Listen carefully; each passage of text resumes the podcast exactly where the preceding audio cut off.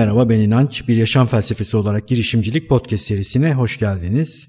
Önce güncellemelerle başlayalım. Bir miktar güncelleme yapayım kendi hayatımla ilgili. E, Ediz gayet keyfi yerinde. E, şu sıralar e, bir miktar kendisini tablet dünyasına verdi. 3 yaşa kadar ekrandan onu koruduk. 3 yaş sonrasında artık yavaş yavaş bir şeyler oynamaya başladı. Cep telefonundan, tabletten bir şeyler birlikte de oynuyoruz. Gayet keyifli gidiyor. Çocuk yetiştirme kısmında daha önce söylemiştim şöyle bir şey vardır. Böyle su dolu bir balona benziyor çocuk yetiştirmek meselesi. Yani su dolu balona benziyor derken şöyle benziyor. Parmakla hani su dolu balonun bir tarafına bastırınca başka bir yerden su çıkar ya. Çocuk yetiştirmek de biraz öyle sürekli rota düzenleme gerektiriyor. Yani bir şeyler yapıyorsun bu yaptığın şeylerin bir takım sonuçları oluyor. Bu sonuçları takip etmek gerekiyor ve sonra belki de başka şeyler yapmak gerekiyor. Şu anda gözlemlemeye devam ediyoruz biz e, Ediz'i Edil'le birlikte ve gözlemlerimizde biraz serbest oyuna ihtiyacı olduğu sonucunu çıkardık bu gözlemler sonucunda. Daha çok kurallı oyunlar, kutu oyunları, e, belirli sonuçları olan oyunlar oynadığı için ağırlıklı olarak bir miktar şu dönemde serbest oynamaya doğru onu yönlendirmeye başladık. Yani kafamızdan hikayeler uyduruyoruz. Bir takım oyuncakları ve karakterleri serbest bir şekilde bir hikayenin içerisinde e, canlandırmaya çalışıyoruz. Herhangi bir sonucu olmayan serbest oyun tarafını şu anda güçlendirmeye çalışıyoruz. Eğitimler kısmında yeni gelişmeler var. Yeni bir eğitim tasarladım. İçerik üreterek işini büyüt. E, podcast dinleyicilerinden beni Instagram'da takip edenler rastlıyorlardır. İlk eğitimini şu anda yürütmekteyim o eğitimin. E, çok iyi gidiyor. Böyle bir tür dönüşümsel program gibi deli gibi içerik ürettiriyorum e, programa katılan insanlara ve programın en başında şunu söyledim. Birinci haftanın sonunda bırakmak istiyorsanız bırakabilirsiniz. Çünkü bu içerik üretme işi adeta eldivenler takıp ringe çıkmaya benzer. Ee, ben e, uzak doğu sporlarına ve dövüş sporlarından örnekler vermeyi de seviyorum. Ee, Mike Tyson'ın efsane sözü vardı ya o sözü de çok severim. Ee, ilk yumruğu yiyene kadar herkesin bir planı vardır diye bir şey söylemiştir boksör Mike Tyson. eldivenleri takıp ringe çıkmaya benziyor. Eldivenleri takıp ringe çıktığınız zaman boks işinin size göre olup olmadığını hemen anlarsınız. Yediğiniz o ilk birkaç tane yumruk sonrasında ben bir dönem kickbox çalışmıştım ve bana göre olmadığını hemen keşfettim. E, o süngerli koca eldivenin içerisinde bile o yumruklarla mücadele etmek gerçekten çok keyifli bir şey değil. Bunu fark etmiştim. İçerik üretmede biraz buna benziyor dedim eğitimin başında insanlara. Yani birinci haftanın sonunda ben bırakmak istiyorum diyenler tam ücret iadesi alarak eğitimi bırakabilirler. Bir kişi bıraktı bu arada e, temposunun kendisine uygun olmadığını söyleyerek diğerleri devam ediyor ve efsane içerikler üretiyorlar. YouTube kanalı kuran var, podcast yapacak olan var. Böyle beni çok heyecanlandıran bir eğitim. Eğitim alanında e, şu andaki en büyük yenilik bu. Doktora izlemesine girdim yakın dönemde.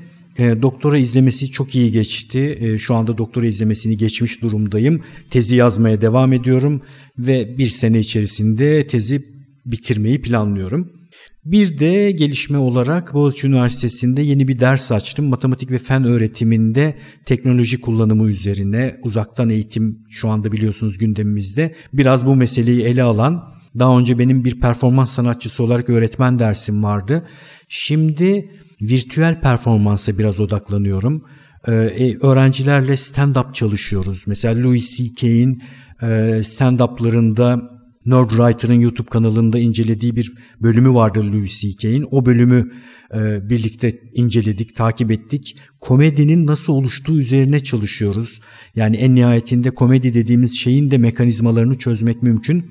Hatta şöyle bir geri dönüş aldım öğrencilerden çok da hoşuma gitti. Ben daha önce komedinin de bir mantığı olabileceğini hiç düşünmemiştim dedi öğrencilerden birisi. Ee, her öğrenci şu anda kendisine bir stand-upçı seçmiş durumda. Bu stand-upçıyı dönem boyunca çalışacak ve onun komedisini nasıl oluşturduğunu çözmeye çalışacak. Pixar'ın hikaye storytelling diye bir eğitimi var Kaan Akademi'de. Oradan birkaç bölümü e, izledik birlikte ve üzerine konuştuk. Yani eğitmenin, öğretmenin hikayeleştirme kullanması, performans kullanması, kamera karşısında ve video e, önünde daha iyi performanslar üretmesi üzerine yine böyle benim sevdiğim yenilikçi bir ders. Bu dersi tasarladım ve ilk olarak bu dönem veriyorum. Çok da keyifli gidiyor. Bugünkü başlığımız ne? E, biraz da ondan bahsedeyim. Makul ol başlığı. Niye bu başlığı seçtim? Çünkü son dönemde yaptığım işlerde makuliyet üzerine biraz odaklandığımı fark ettim. Ne anlıyorum ben makul olmaktan? Örnekler üzerinden gidelim. İnsanlar genelde bir şeyleri yapmaya çalıştıklarında kendilerine acımasız davranabiliyorlar. Makul olmaktan kendine acımasız davranmamayı anlıyorum ben. Ve artık işlerimde bir takım makuliyet ölçüleri koymaya başladım. Yani örnek vereyim. Daha önce de bu örneği vermiştim.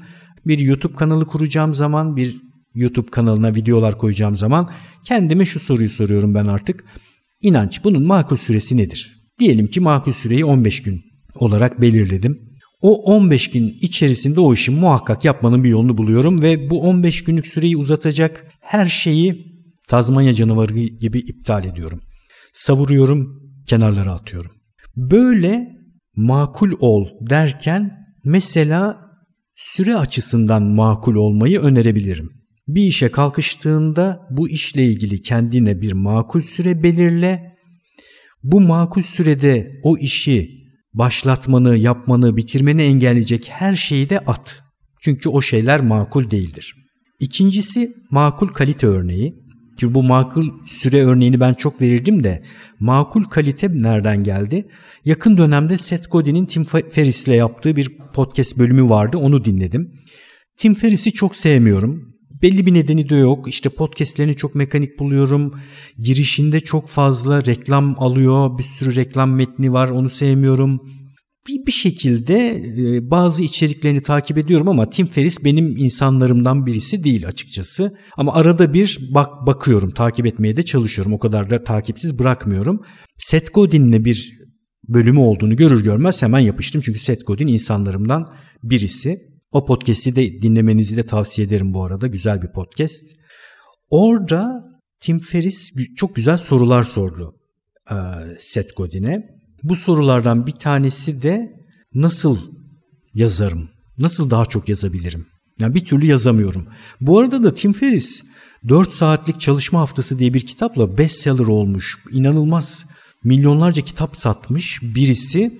Böyle tabii ki çok verimli ve üretken olduğunu düşündüğünüz bir takım insanların da sizinle aynı dertlere sahip olduğunu duyunca da insan kendini biraz rahatlatıyor açıkçası. Hepimizin problemi. Herkes bu problemi yaşıyor. Nasıl daha üretken olabilirim? Seth Godin'e bu soruyu sorduktan sonra da şunu da söyledi bu arada. Ya Seth sen sanki böyle çok rahat gözüküyorsun gözüme. Böyle çatışmaları olmayan, dingin bir insan gibi gözüküyorsun.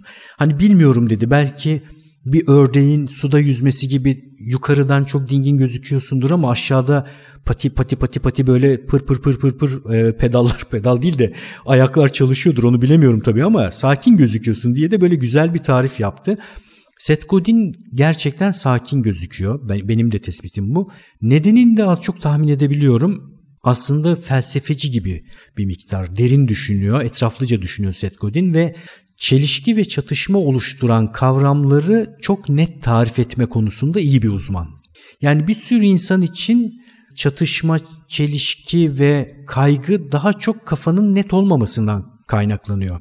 Yani kafalarının net olmamasından kaynaklanıyor. Seth Godin ise meseleleri berraklaştırma konusunda çok gerçekten başarılı. Mesela freelance çalışmakla bir iş sahibi olmak arasındaki farkı ben Seth Godin'de okumuştum ve sizinle de paylaştım bunu. Yani ben freelance miyim yoksa bir iş sahibi miyim kararını verdikten sonra kafan daha rahat. Neden? Çünkü diyelim ki freelance olduğun kararına vardın ve o yolda devam ediyorsun ki bunda hiçbir yanlışlık yok. Seth Godin'in tabiri bu hiçbir problem yok yani. Ee, bir freelance'in beklemeyeceği şeyleri beklememeye başlıyorsun. Yani kafan net. Beklentilerin ona göre oluyor ve daha rahat hareket ediyorsun. İşte Tim Ferriss bu soruyu sorduktan sonra Seth Godin bir kere şöyle beni şaşırtan bir şey söyledi. Bir dönem Isaac Asimov'la çalışmış ve Isaac Asimov'dan öğrendiğim bir şeyi paylaşacağım seninle dedi. Bir kere dedi sorunu sorarken sana şu soruyu sormuştum onu eklemedin dedi. Kötü yazıların nerede diye sormuştum sana diye sordu tekrar. Ve sonra şuraya bağladı. İnsanlar sürekli iyi şeyler yazmak istiyorlar ve aslında yazamıyorum diye bir şey yok. dipte bir büyük korku var. Kalitesiz olan yazılarıyla insanları buluşturmak istemiyorlar insanlar. Halbuki kötü yazıyı bir şekilde dökmen lazım. Isaac Asimov ona demiş ki 400'e yakın bu arada kitap yazmış o dönemde görüştükleri ve birlikte bir proje yaptıkları dönemde. Isaac Asimov demiş ki 6 saat oturuyorum yazıyorum. Bunu daha önce başka bir sürü insandan duydum sizinle de paylaştım bu arada. 6 saat iyi kötü demeden yazıyormuş. Yani 6 saat kaliteli metinler yazıyorum demiyor ki. 6 saat yazıyorum diyor. Seth Godin de aynı şeyi söyledi Tim Ferriss'e. Herkesin kötü metinleri var. Mevzu şu, bu kötü metinleri bir şekilde dökmen lazım. Kötü metinleri dökmeden durduğun yerde armut gibi iyileşemez. Armut gibi armut gibi eklemesi bana ait. Set armutu kullanmadı. Yani durduğun yerde armut gibi iyileşmeyi bekleme. Ben içerik üreterek işini büyüt eğitiminde de buraya mümkün olduğunca abanmaya çalışıyorum. Deli gibi ödev veriyorum çünkü şunu biliyorum. Yoğun deneyime maruz kaldığımızda ancak belli noktalara gelebiliyoruz. Sette dedi ki Tim Ferriss'e yaz, kötü metni dök. Ancak bunu yaparsan içinden iyi metni ayıklayıp belli bir noktaya kavuşturabilirsin. Ne kadar güzel bir e, öneri. Bakın bunu düşündüğünüzde artık şu mesele ortadan kalkıyor. Yazayım mı, yazmayayım mı? Acaba yazdıklarım iyi mi olacak, kötü mü olacak? Bakın ne kadar güzel bir kavramsallaştırma. Tabii ki kötü şeyler de yazacaksın. Yaz, 100 birim yaz, içindeki 20 birim iyi yazıyı al.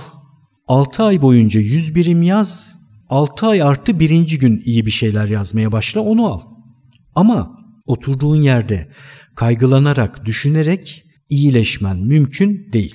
Efsane. Orada bir de tabii ki kaliteyle ilgili tarif de yaptı. Benim de bir dönem çalışmışlığım var kalite üzerine. Kalite felsefesinin çok yerde çok faydasını gördüm. Sürekli iyileştirme mantığı, Deming ve kalite e, Juran Institute vardır. O dönem yine takip ettiğim, videolarını izlediğim enstitülerden bir tanesiydi. Kaliteyle ilgili de şöyle bir tarif verdi. Deming'in tarifi. Beklentileri karşılamak. Bu kadar. Ve şunu sordu Tim Ferriss'e. Toyota mı daha kaliteli, Rolls Royce mu? Toyota dedi. Çünkü Toyota çok daha uzun bir süre kendisinden bekleneni karşılar. Rolls Royce ise lükstür, başka bir şeydir. Ve Toyota kadar güvenilir ve istikrarlı performans göstermeyebilir. Rolls Royce alanın da öyle bir derdi yoktur zaten. Rolls Royce istemek ya da Rolls Royce'e sahip olmak ya da Rolls Royce üretmekle ilgili bir sıkıntı yok. Ama ne zaman, nerede, ne istediğini biliyor olmak lazım dedi. Onun için kaliteli bir şey yapıyor olmak, beklentileri karşılayan bir şey yapıyor olmak da değerli.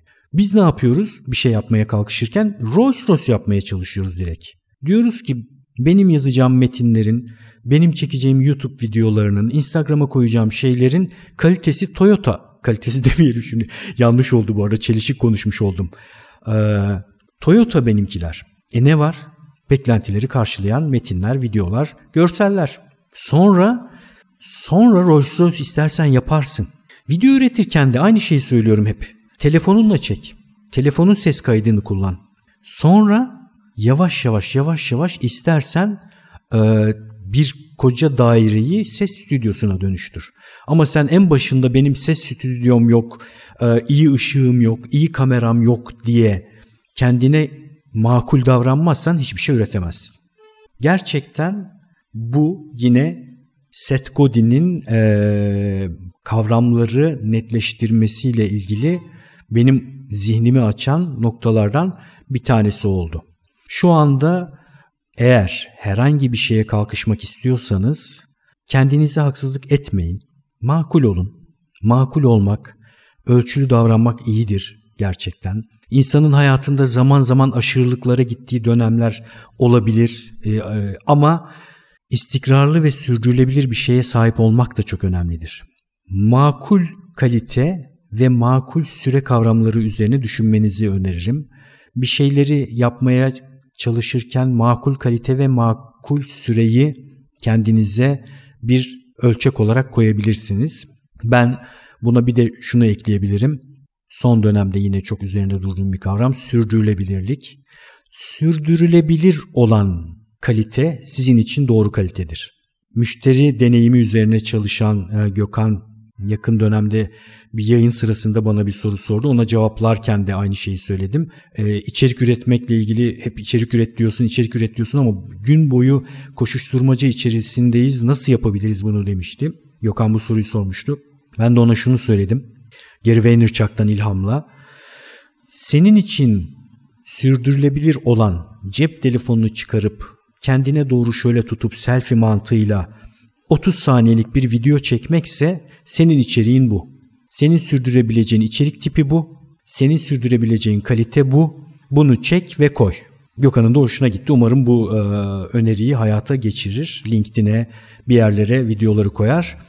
Bizler içerik üreterek, içeriğimizi insanlarla buluşturarak insanların zihninde yer etmeye başlıyoruz ve değer üretmeye başlıyoruz. Türkiye'de bizim ülkemizde özellikle içerik üretmek çok değerli. Çok eksik. Sadece içerik üreterek kendi hayatınızı ve başkalarının hayatını zenginleştirebilirsiniz. Şu anda cep telefonu üzerinden bir uygulama indirip başka hiçbir şey yapmadan cep telefonu ile podcast kaydetmek mümkün ve bu podcast uygulaması bir uygulamayı indiriyorsunuz, araştırırsınız. O uygulama üzerinden podcast'inizi her yere yayabilir durumdasınız. Spotify'a, e, Google, iTunes vesaire bütün dağıtımını da kendisi üstleniyor program ve ücretsiz. Şu anda yani yarın podcast'iniz Spotify'a çıkabilir. 3 dakika çekin, 5 dakika çekin. Sizin için sürdürülebilir olan neyse onu yapın. Ee, bizim ülkemizde insanların kendi bilgi, beceri ve deneyimlerini değer üretmek üzere insanlarla buluşturmasına hepimizin çok ihtiyacı var. Umarım bu bölüm sizi daha makul yani sizi daha makul olmaya zorlayacak şekilde bir ilham oluşturur e, ve hemen bir sürü insan içerik üretmeye başlar. Benim için yine keyifli bir kayıt oldu. Umarım çok yankılı bir sesim yoktur. Şu anda biraz boş bir mekanda çektim bu kaydı. E, yaptım. Hala stüdyoya giremiyorum. İleride stüdyoya da döneceğim günler gelecektir diye düşünüyorum. Size çok da kötü olmayan bir ses kaydı ulaştırmışımdır umarım. Yine makul kaliteyi aradım tabii ki. Şu anda ulaşabildiğim, sürdürebildiğim makul kalite bu. Bir sonraki kayıtta görüşmek üzere.